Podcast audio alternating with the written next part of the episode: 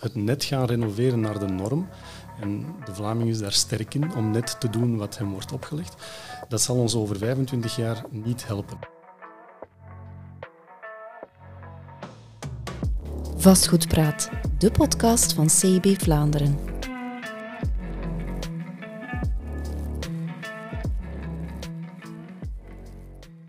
Dag beste vastgoedprofessionals en welkom bij een nieuwe aflevering van Vastgoedpraat. Sinds 1 januari 2023 geldt in Vlaanderen de renovatieverplichting voor kopers van energieverslindende woningen. Jaren na invoering van de maatregel lijkt het ons dan ook het ideale moment om even te kijken naar de impact op de vastgoedmarkt. Hoe groot is de interesse in energieslurpende woningen? Zijn kopers voldoende op de hoogte van de renovatieplicht en de budgetten die ze hiervoor moeten vrijmaken? Ik ben Ewout Hazenbos van CIB en ga er vandaag over in gesprek met twee specialisten ter zake.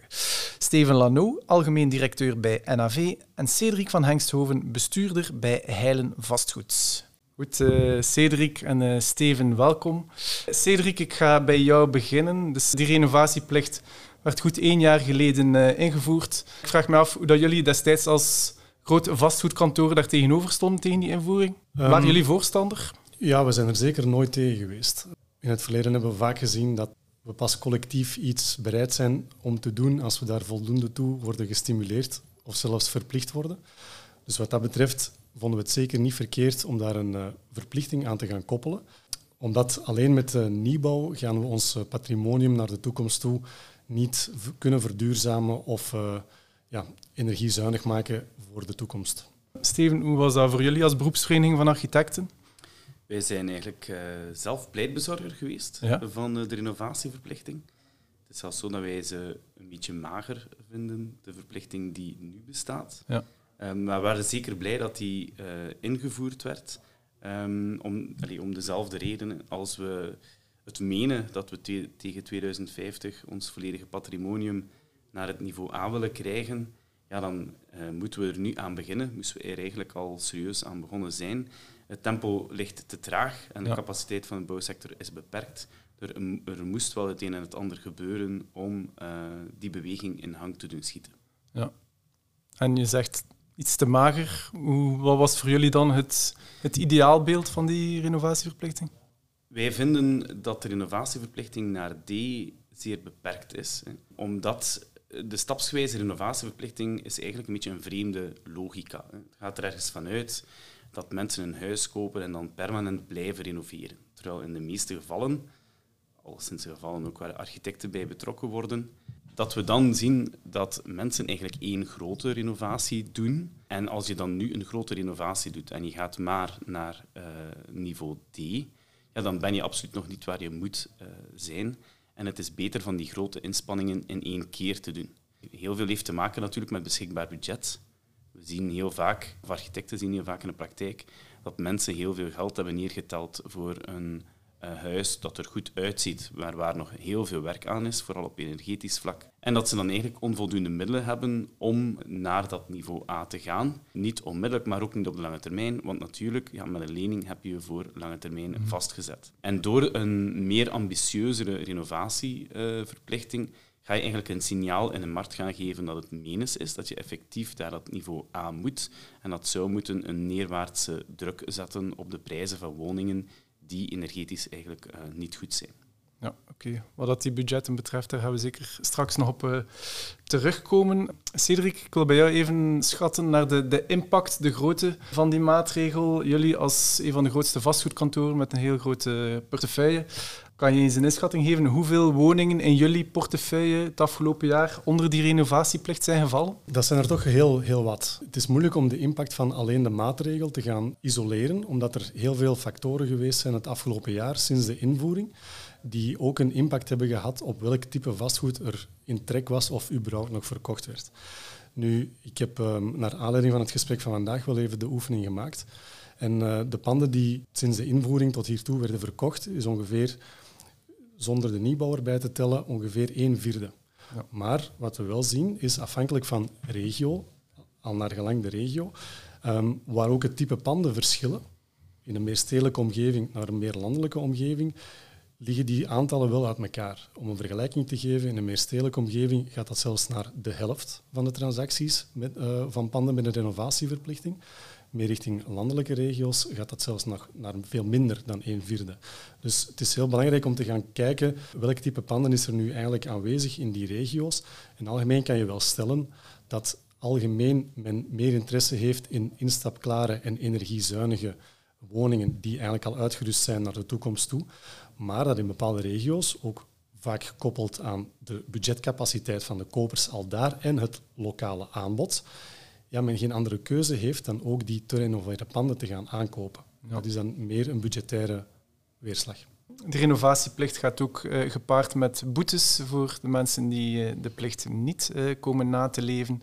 Nu, vorige week was er het nieuws van minister Zoaldemir, die zei van kijk, woningkopers die om gegronde redenen hun renovatieplichten niet nakomen, moeten toch geen torenhoge boetes vrezen. Demir wil gaan werken met een beslissingsboom, rekening houden met omstandigheden alle overlijdens, financiële moeilijkheden en echtscheidingen.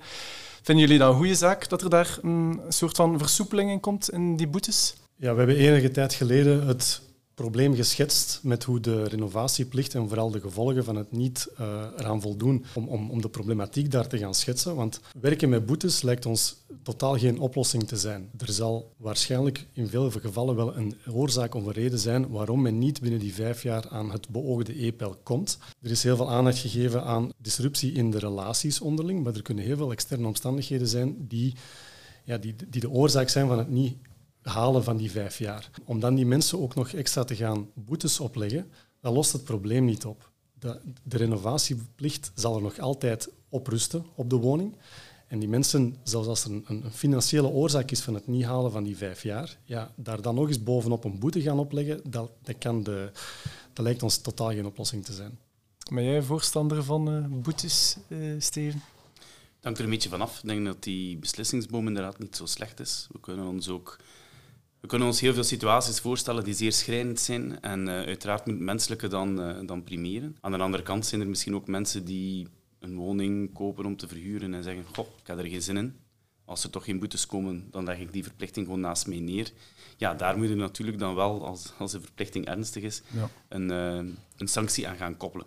Ja. Nu, in het algemeen hadden wij al op voorhand ook gezegd dat die vijf jaar dat ons dat zeer kort leek.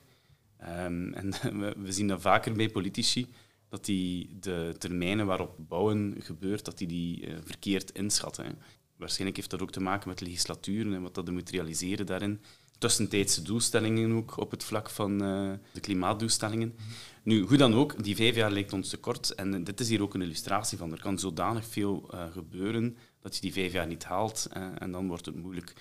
Dus wij hadden liever gezien dat de renovatieverplichting sterker was, dat men een label A verplichtte, maar dat men daar een langere termijn voor uh, gaf, waardoor dat je dan ook niet nu in die discussie zou terechtkomen. Ja. Nu, ik wil het graag bijtreden, want het is, het is effectief ook een fenomeen dat we nu al zien. Het is te gemakkelijk om naar het label D te gaan. Het, is, uh, stel, uh, het dreigt niet te lukken binnen die vijf jaar. Met een heel eenvoudige ingreep ga je toch aan die verplichting kunnen voldoen binnen die termijn als alles nog goed zit en er, is geen, uh, er zijn geen externe andere factoren. Um, maar het is niet voldoende. Het zal ons niet helpen om op termijn naar een echt verduurzaming van ons gerenoveerd patrimonium te gaan. Plus daarboven willen we nu ook al een beetje waarschuwen voor de waardevastheid van ons vastgoed. Ja. Als je in de toekomst in het aanscherpingspad van die renovatieverplichting maar net aan de norm voldoet, dan ga je, als je op dat moment opnieuw wil verkopen, opnieuw geconfronteerd worden met kandidaat-kopers die zeggen, ah ja, maar ik moet nog gaan verder renoveren, dus ik wil dat gecompenseerd zien op de prijs. Ja. Het moet natuurlijk ook allemaal budgetair haalbaar zijn om effectief naar een label A te gaan. Ja. Maar daarnaast denk ik dat het ook structureel en stedenbouwkundig mogelijk moet zijn om bepaalde types vastgoed te gaan renoveren naar dat label A.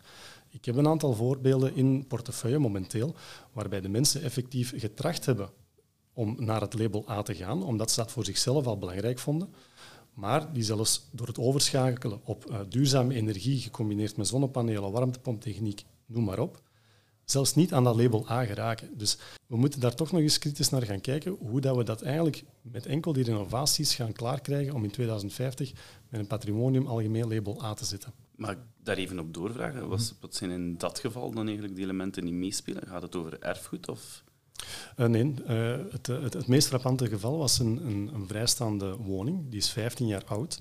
Oorspronkelijk met een gasinstallatie. De mensen zijn volledig overgeschakeld op warmtepomp met geothermie. In combinatie met zonnepanelen.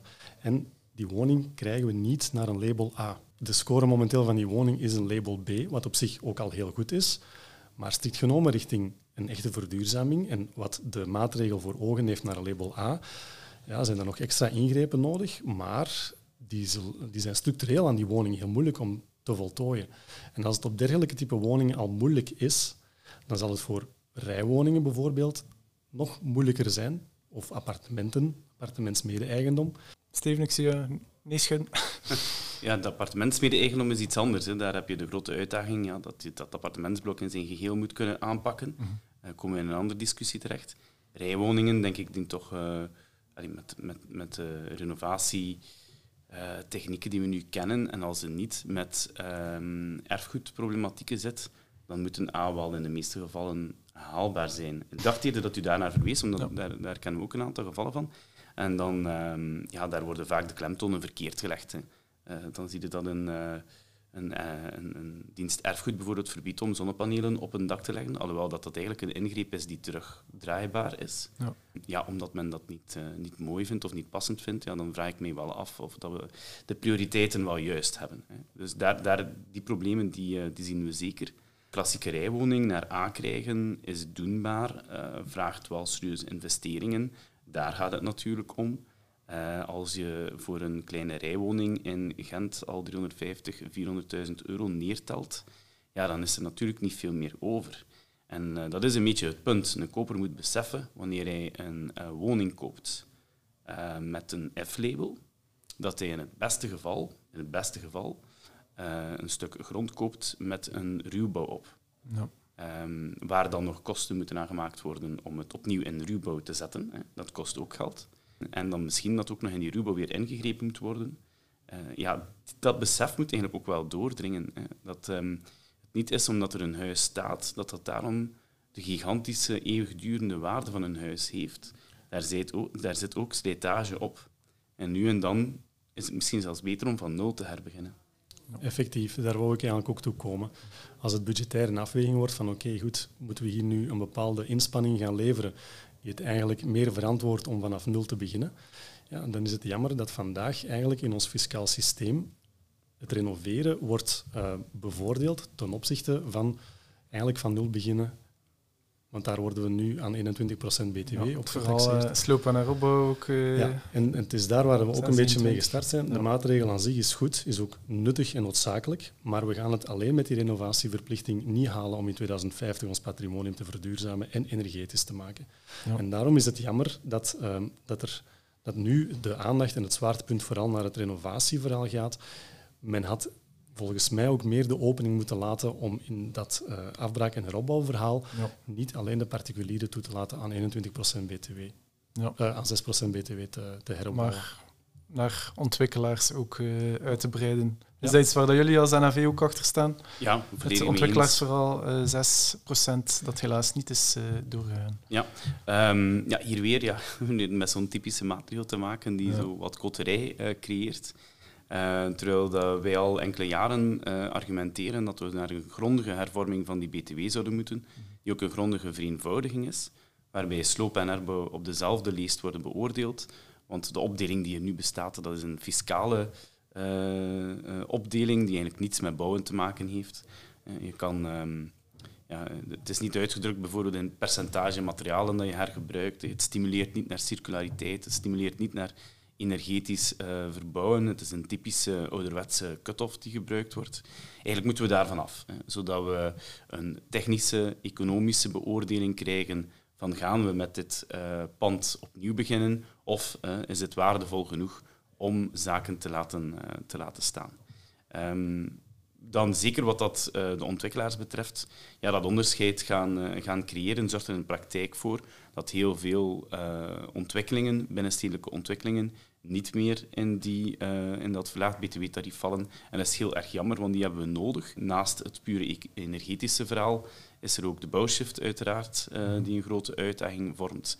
Um, het uh, gaan ontwikkelen van binnenstedelijke gebieden dat is duurder dan op een mooi landbouwveld een nieuwe wijk te gaan zetten. Ja, als daar dan geen ander btw-percentage op toegepast wordt, dan is dat gewoon jammer. Nu, laat ons nog even terugblikken op die gevolgen van één jaar uh, renovatieplicht en de impact op de vastgoedmarkt, dan vooral uh, die prijszetting, we hebben het er al even over gehad.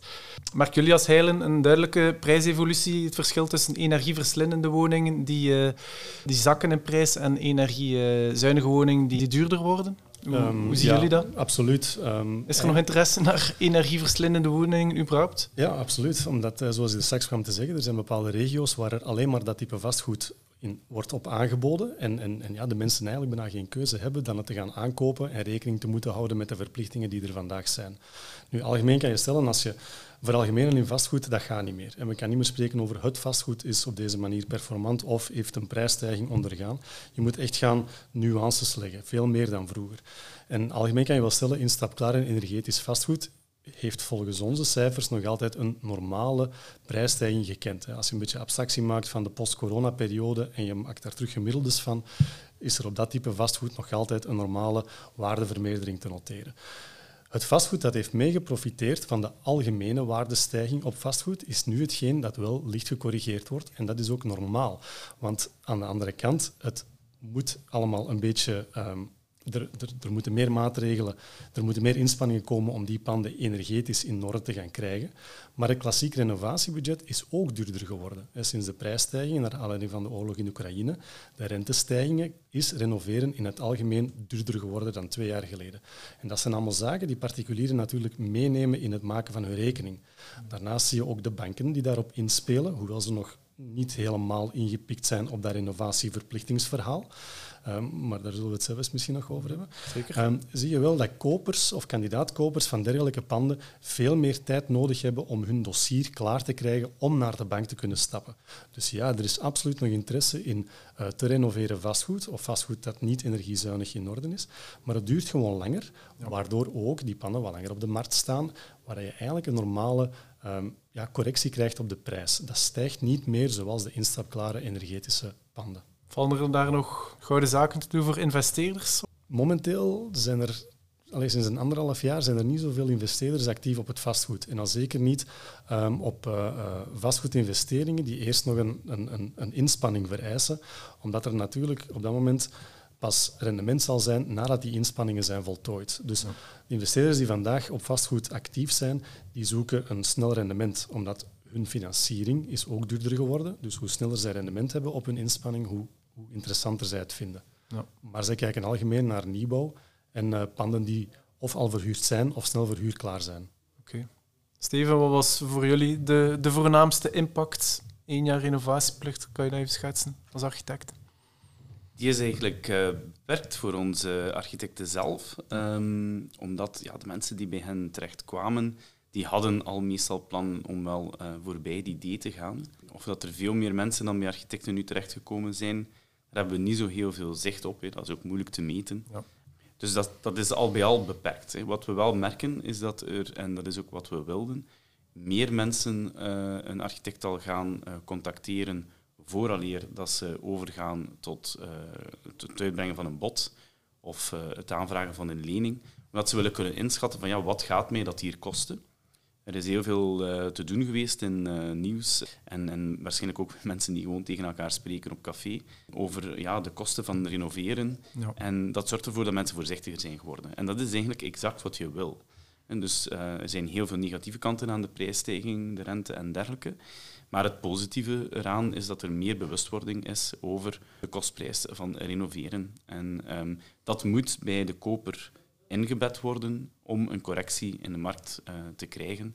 Die is momenteel volop bezig, uh, lijkt ons. Jullie weten dan dat echt beter. Niet alleen bij kopers is dat besef of die bewustwording noodzakelijk. Het is ook bij heel veel verkopers. dat dat besef moet doordringen dat uh, de marktomstandigheden vandaag anders zijn dan dan verleden jaar, dan twee jaar geleden. Zeker ook bij de plannen met een renovatieverplichting. En ja, dat moet geabsorbeerd worden door de markt, zowel langs de verkoperszijde als langs de koperszijde. Ja. Maar er zijn nog altijd transacties. Die bewustwording is er wel, maar merken jullie ook dat de maatregel heel wat kopers afschrikt van oei, we hebben hier geen, uh, gaan hier geen budget voor hebben of wat dan ook? Eh, zoals ik daarnet kwam te zeggen en wat, uh, wat Steven ook beaamt, is dat men zich beter voorbereidt, wat op zich heel goed is. Um, wij hebben daar ook een rol in te vervullen van weet, weet waaraan u gaat beginnen. Mhm. Het is, we moeten ze ook niet bang maken. De mensen snappen dat nu wel. Um, ze hebben ook door van, kijk, om, door, de, door de rentes die gestegen zijn, het even gaan bijlenen als we niet toekomen financieel, dat is ook al moeilijker. Dus men moet de oefening veel grondiger op voorhand maken vooraleer in dat verhaal te gaan stappen. Maar dan zie je nog altijd wel met mensen die hun dossier grondig voorbereiden en die niet na één bezoek al overgaan tot aankoop, maar een tweede of derde of vierde keer zelfs langskomen met een aantal experts, de tijd nemen om offertes te maken, beroep doen op een architect om heel dat dossier eigenlijk klaar te krijgen, maar ook zicht te krijgen op het kostenplaatje, dat dat wel realistische dossiers zijn waar dat ze terecht kunnen bij de bank. En daar dan zij ook in meestappen en dan een, aan een correct verhaal kunnen beginnen de kant van de verkoper zien we minder natuurlijk. Maar inderdaad, we merken meer uh, dat men meer een beroep doet uh, op een goede voorbereiding uh, van een dossier. En dat kunnen we alleen maar toejuichen. Wat ik me ook nog afvroeg was de, de impact van een EPC. Ehm, dus sinds 2022 wordt er een EPC-attest een overzicht meegegeven van hoe het huis energiezuiniger wordt gemaakt met per ingreep prijsramingen. nu, onder makelaars klinkt soms de kritiek dat die tarieven die daar vermeld worden soms buiten proportie zijn. Schrikt die prijsraming soms ook kopers af om nog oude panden te gaan kopen? Um, enerzijds ja. Aan de andere kant merken we wel, wat dat dan weer positief is, dat men zich niet alleen op, dat, op de gegevens van het EPC baseert. Dus wel voor wat betreft um, het, uh, het E-label of de EPC-waarde en, en welke inspanningen er moeten gebeuren om naar een verbetering daarvan te gaan. Maar dat zijn ook doorgaans ingrepen die een beetje voor zichzelf spreken. Een woning van de jaren 60 of 70, ja, eigenlijk weet je wat je daarmee moet gaan doen of welke ingrepen dat je daar moet op gaan toepassen om naar een verbeterd E-peil te gaan. Dus de waardes, die de, de waardes ter renovatie die in het EP, EPC-attest worden opgegeven, ja, wij zien soms in de realiteit andere offertes waar het goedkoper dan wel ook duurder kan. Dus men zou dat dan eigenlijk beter niet opgeven, denk ik. Ja. Of, of meer verduidelijken van dit is een indicatie. Want je hebt toch altijd een, een beperkt aantal personen die zich daar toch op baseren of zich een beetje op vastpinnen. Ja. Is dat een kritiek dat jullie als architecten ook delen? Niet helemaal. Dat, natuurlijk, als je zegt, we zien soms goedkoper en duurder offertes, ja, dat heb je met gemiddelden. Um, maar uh, wij hebben toch de indruk dat die kosten serieus onderschat worden die daarin staan. Vooral omdat men geen rekening houdt met het feit dat er uh, meer werken nodig zijn dan enkel het, het, element dat opgenomen is in TPC. Bijvoorbeeld wanneer je zegt, ja, het kost zoveel om een uh, ventilatiesysteem D te installeren, ja, gaat dat niet installeren met de buizen bovenop. Dus dat heeft heel veel implicaties. Een uh, warmtepomp, dat wil zeggen dat je een uh, lagere temperatuur afgiftesysteem moet hebben. Dat heeft heel veel implicaties. Gewoon je elektriciteit vernieuwen wil heel vaak zeggen dat je ja, je, je moet uithalen. En ja, het is alsof men daar geen rekening mee houdt, dat je één ding moet afbreken en dan, dan de afwerking weer heropbouwen. Uh, en dat die kosten dus hoger uitvallen dan uh, wat daarin opgenomen is. Dus wij zien het, de kritiek die wij erop hebben, is meestal van ja, dit is een, een, in de meeste gevallen een onderschatting van het budget. Zeker dan omdat mensen ook nog een keer naast dat energetische hebben die ook nog wel andere behoeften aan zo'n woning. Zo'n woning uit de jaren 60 die is donker. Dan wil tegenwoordig veel grotere raampartijen. Niet per se ook iets wat het EPC-beeld ten goede komt. Dus je moet dat dan misschien dan weer op een andere plek gaan uh, compenseren. Dus ja, onze boodschap is eigenlijk, wij denken dat het meestal een onderschatting is. En we raden mensen aan om toch wel case by case te gaan kijken en dus inderdaad iemand mee te nemen die kan inschatten van oké, wat jullie hiermee willen doen, want voor ieder koper is dat ook wel wat anders, dat zal ongeveer hè, zoveel kosten. Hou dus rekening met zo'n budget dat je dan toch nog nodig hebt daarnaast en zie of dat je dat in zijn totaliteit kan, uh, kan financieren. Ik wou het nog even hebben over de, de kennis van die renovatieverplichting. Ik las onlangs dat één op de drie Vlamingen de renovatieplichting uh, niet kennen. Uh, is dat iets dat je als architect ook soms opmerkt? Van mensen zijn onvoldoende op de hoogte, uh, weten niet welke budgetten ze ervoor moeten uittrekken, welke werken ze moeten uitvoeren? Ja, klopt. Um, men weet dat er een verplichting is. Uh, het inschatten van die niveaus, die EPC-niveaus, ja, dat, dat, dat, is ook heel moeilijk. Al is dat systeem dan misschien het eenvoudigst wat het kan zijn met F tot, tot A. Maar dat is heel moeilijk voor een leek. Ja, wat betekent dat, hè? naar een D gaan? Hè? Hoe moeilijk is dat? Wat ingrepen zijn daarvoor nodig? Dat weet men uh, meestal niet. Iemand die dan iets langer bezig is met de zoektocht, uh, langzaamaan weet dan iets meer. Hè? Maar heel veel mensen weten het inderdaad niet. Nu, heel veel mensen zijn ook op zoek naar um, een kant-en-klaar product. Het is niet aan iedereen gegeven om een woning te kopen van de jaren 60 en het proces door te gaan om die te gaan renoveren. Dat is nu eenmaal zo. Um, en dan moet je als koper ja, uh, dan toch ergens uh, de beslissing maken van als ik dat niet wil, ja, dan moet ik dan toch eerder naar dat kant-en-klaar product op zoek en moet ik dus iets meer gaan betalen in totaal. Um, of misschien dan toch maar huren. Hè, want uh, we willen ook iedereen altijd in een koopwoning jagen. Dat is niet per se voor iedereen de beste oplossing. Kan je daar zo een gemiddelde budget eigenlijk op plakken? Van kijk, ik moet van uh, uh, FPL naar, naar D gaan. Gaat dat om 50.000 euro, 60.000 euro? Ja, nee. Wat je wel kunt doen, is je kan zeggen van kijk, een, een, een 2G-woning, 5 meter breed, van die tijd, dat zal ongeveer dat kosten. Of, wat architecten wel goed kunnen, is. Hè. Met het afwerkingsniveau dat je voor ogen hebt, moet je zo'n vierkante meterprijs ongeveer hanteren. Als je een ervaren architect hebt, kan die dat wel inschatten. En uiteindelijk is dat voor de snelle inschatting, wanneer je verschillende woningen bekijkt, is dat heel vaak een goede benadering. Maar om daar hier nu zo'n bedrag op te schatten, ja, we hebben net gezegd, uh, gemiddelden, daar zit je een keer boven en een keer onder. Hè. Dus dat zou hier zodanig ruwe inschatting zijn dat die eigenlijk waardeloze informatie oplevert. Ja. Merk je dat als makelaar ook, Cedric, soms van kopers dat ze eigenlijk geen idee hebben van een renovatieplicht waaraan ze moeten voldoen als ze het uh, horen uh, donderen en keulen? Um, er zijn de, de, laatste jaren, hoe langer hoe meer, aspecten en facetten bijgekomen bij het aankopen van een woning die, uh, die meer uitleg vragen dan vroeger. Er zijn nu veel meer dan vroeger verschillende fiscale regimes en toepassingsvoorwaarden waar men onder kan vallen. Um, dus dat zijn al zaken waar dat we de mensen extra moeten over informeren door hen ook vragen te stellen. Maar daarnaast inderdaad merk je ook wel dat over die renovatieplicht en vooral de kosten die dat met zich meebrengt, Steven heeft het heel goed geduid.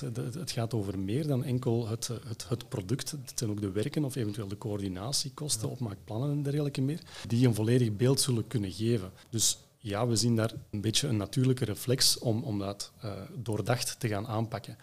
Um, aan de andere kant zie je dan natuurlijk ook dat dat, niet, dat dat niet voor iedereen gegeven is, of niet iedereen heeft het geduld om dat proces te gaan voorbereiden, want men loopt ook nog altijd de kans dat de woning aan iemand anders wordt verkocht. En dat eer dat men dat traject wilt instappen, is men daar al van overtuigd dat dat de woning is waar men absoluut wil gaan wonen. En dan doet men wel de inspanningen om dat dossier te gaan vervolledigen. Maar heel veel mensen kijken dan inderdaad ook, omdat ze die inspanningen niet bereid zijn om te leveren, naar meer kant-en-klare producten. En, en ja, dan, dan, krijg je inderdaad een logisch gevolg dat daar iets meer voor betaald moet worden. Maar ik denk dat daar ook een, een, een, een oorzaak ligt bij het, uh, het mindere aanbod dat er vandaag in het nieuwbouwsegment te vinden is. Maar dat brengt ons bij een andere discussie over het afleveren van vergunningen en dergelijke meer. Maar ook daar moet een versnelling in komen, willen we de doelstellingen van 2050 gaan halen. En, en ik ben hier geen pleitbezorgers om de, de, de ontwikkelaars een, eh, een open doekje te geven, maar we gaan ze ook wel nodig hebben om die doelstelling te gaan halen. Ja, wat moet er dan concreet gebeuren volgens jou? Een vereenvoudiging van de uh, administratieve uh, mogelijkheden om tot vergunning te komen. Het, ja. duurt gewoon te lang. De gemiddelde doorlooptijd van projecten, als we navraag doen bij onze opdrachtgevers, eer men tot vergunning kan komen, het duurt te lang. En het, het, het grote nadeel is daarvan soms ook dat, we, dat men start met een bepaald uh, product, maar tegen wanneer men de vergunning heeft, dat product niet meer ingepikt is op de noden van de markt. Ja. Maar die ontwikkelaar brengt dat dan toch in commercialisatie, omdat hij eigenlijk zijn vergunning heeft.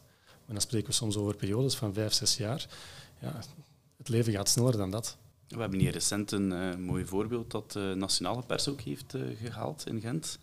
Uh, op de oude terreinen van de NMBS, waar een heel mooi ontwikkelingsproject gaat komen. Een project waar helaas Veel te veel verdiepingen van de torens zijn afgeknipt omwille van protesten uit de buurt. Ehm, daar denk ik, wat moet er gebeuren? Zo eenvoudig is dat niet, maar het principe is dat het algemeen belang meer voorrang moet krijgen op het individueel belang. Zo'n grote dossiers kunnen nu uh, jarenlang, ik denk dat we daar spreken over meer dan tien jaar, vertraagd worden, um, puur op basis van zeer particuliere belangen. Maar natuurlijk, uh, dat is niet zo eenvoudig op te lossen. Hè. We kunnen weer dat wel vragen en het is ook belangrijk dat we dat blijven zeggen, dat dat nodig is. Maar tegen dat we die tanker weer keren uh, of gekeerd hebben, ja, zijn we zeker vele tientallen jaren verder. Wat kan er wel op kortere termijn gebeuren? En dat, is, uh, dat zal belangrijk zijn voor na de gemeenteraadsverkiezingen. Dat is dan die gemeenten een goede visies gaan uh, uittekenen.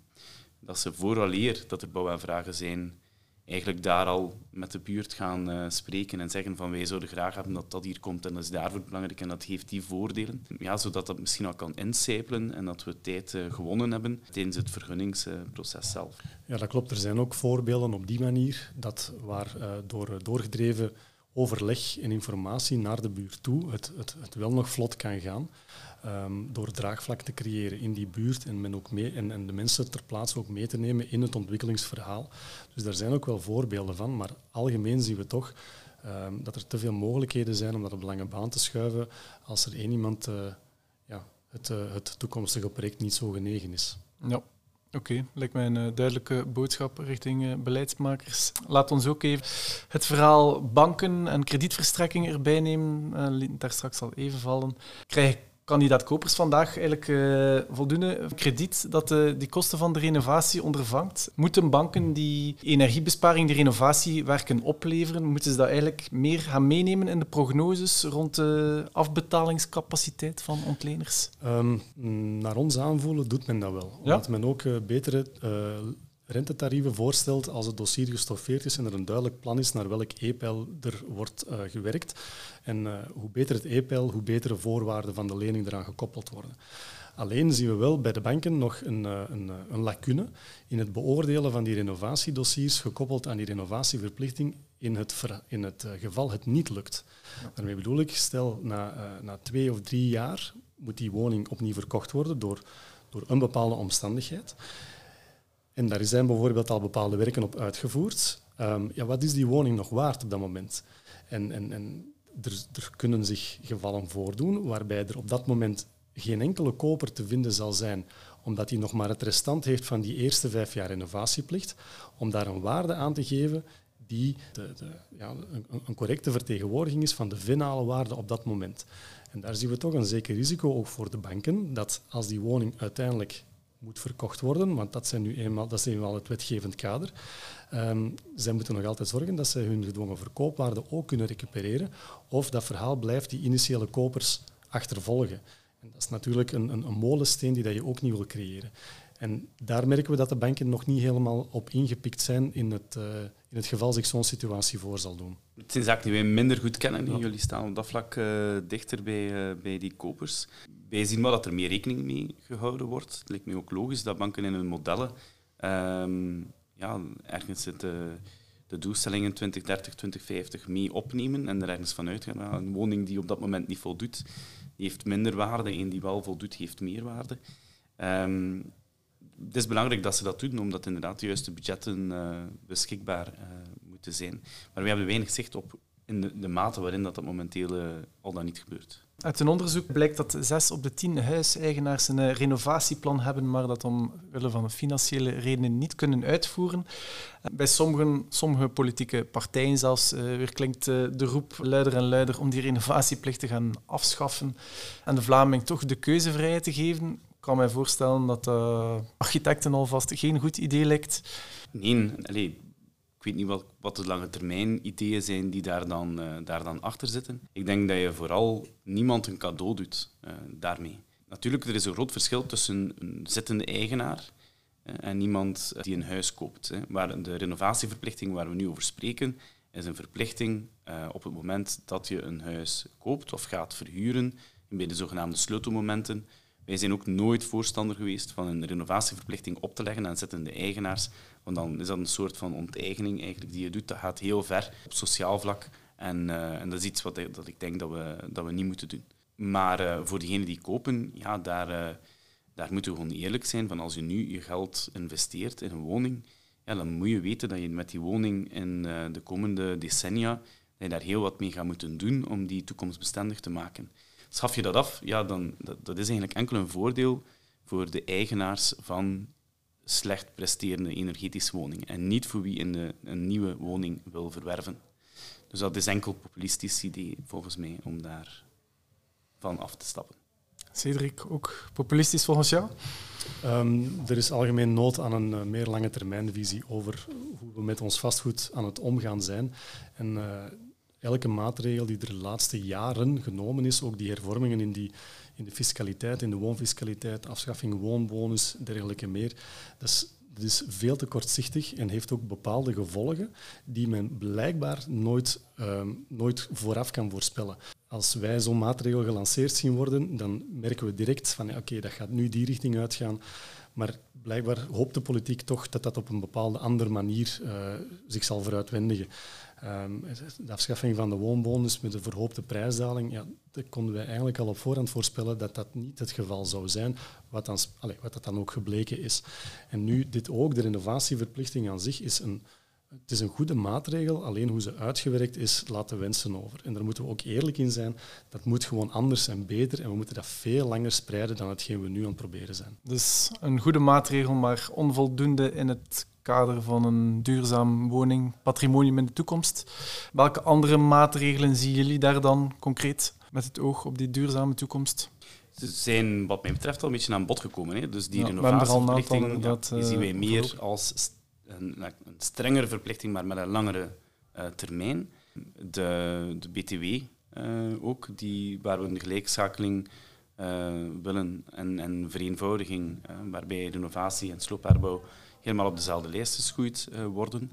Dat zijn alvast twee belangrijke zaken. Wat we nog niet aan bod hebben laten komen, wij uiteraard heel belangrijk vinden, is dat die BTW, het verlaagd BTW-percentage ook op de dienstverleners van toepassing moeten zijn. Die hebben een heel belangrijk ja, toch een heel belangrijk aandeel ook in de prijs van een woning. Het is niet alleen maar uh, de werken die van belang zijn en steeds belangrijker uh, aandeel daarin, uh, aangezien er moet goed gerekend worden en goed bekeken worden of dat men wel aan al die verplichtingen voldoet. Dus dat is ook een element. Um, maar uiteindelijk, we willen vooral een overheid die een duidelijke vlag plant en die dan aan de markt uh, te kennen geeft dat het menens is. En dat men niet, uh, wanneer dat, uh, de wind plotseling een klein beetje verandert, of het sentiment wat verandert, het geweer weer van schouder verandert en, en, en de, de beleidsmaatregelen anders gaat maken. Nee, de overheid moet zeggen van kijk, in 2050 zal het Vlaamse patrimonium allemaal een A-label hebben. Wij engageren ons daarvoor. En dan ga je zien, als er daar vertrouwen in is, dat de markt hem daar ook veel meer gaat gaan aanpassen dan wanneer er nu nog misschien een aantal marktspelers zijn die gokken op het mislukken van, uh, van die doelstellingen. En Cedric, jullie pleiten vooral voor een duidelijkere, langere termijn visie? Ja, absoluut. Maar het zal ook noodzakelijk zijn om uh, de, de, de stabiliteit in onze vastgoedmarkt te bewaren.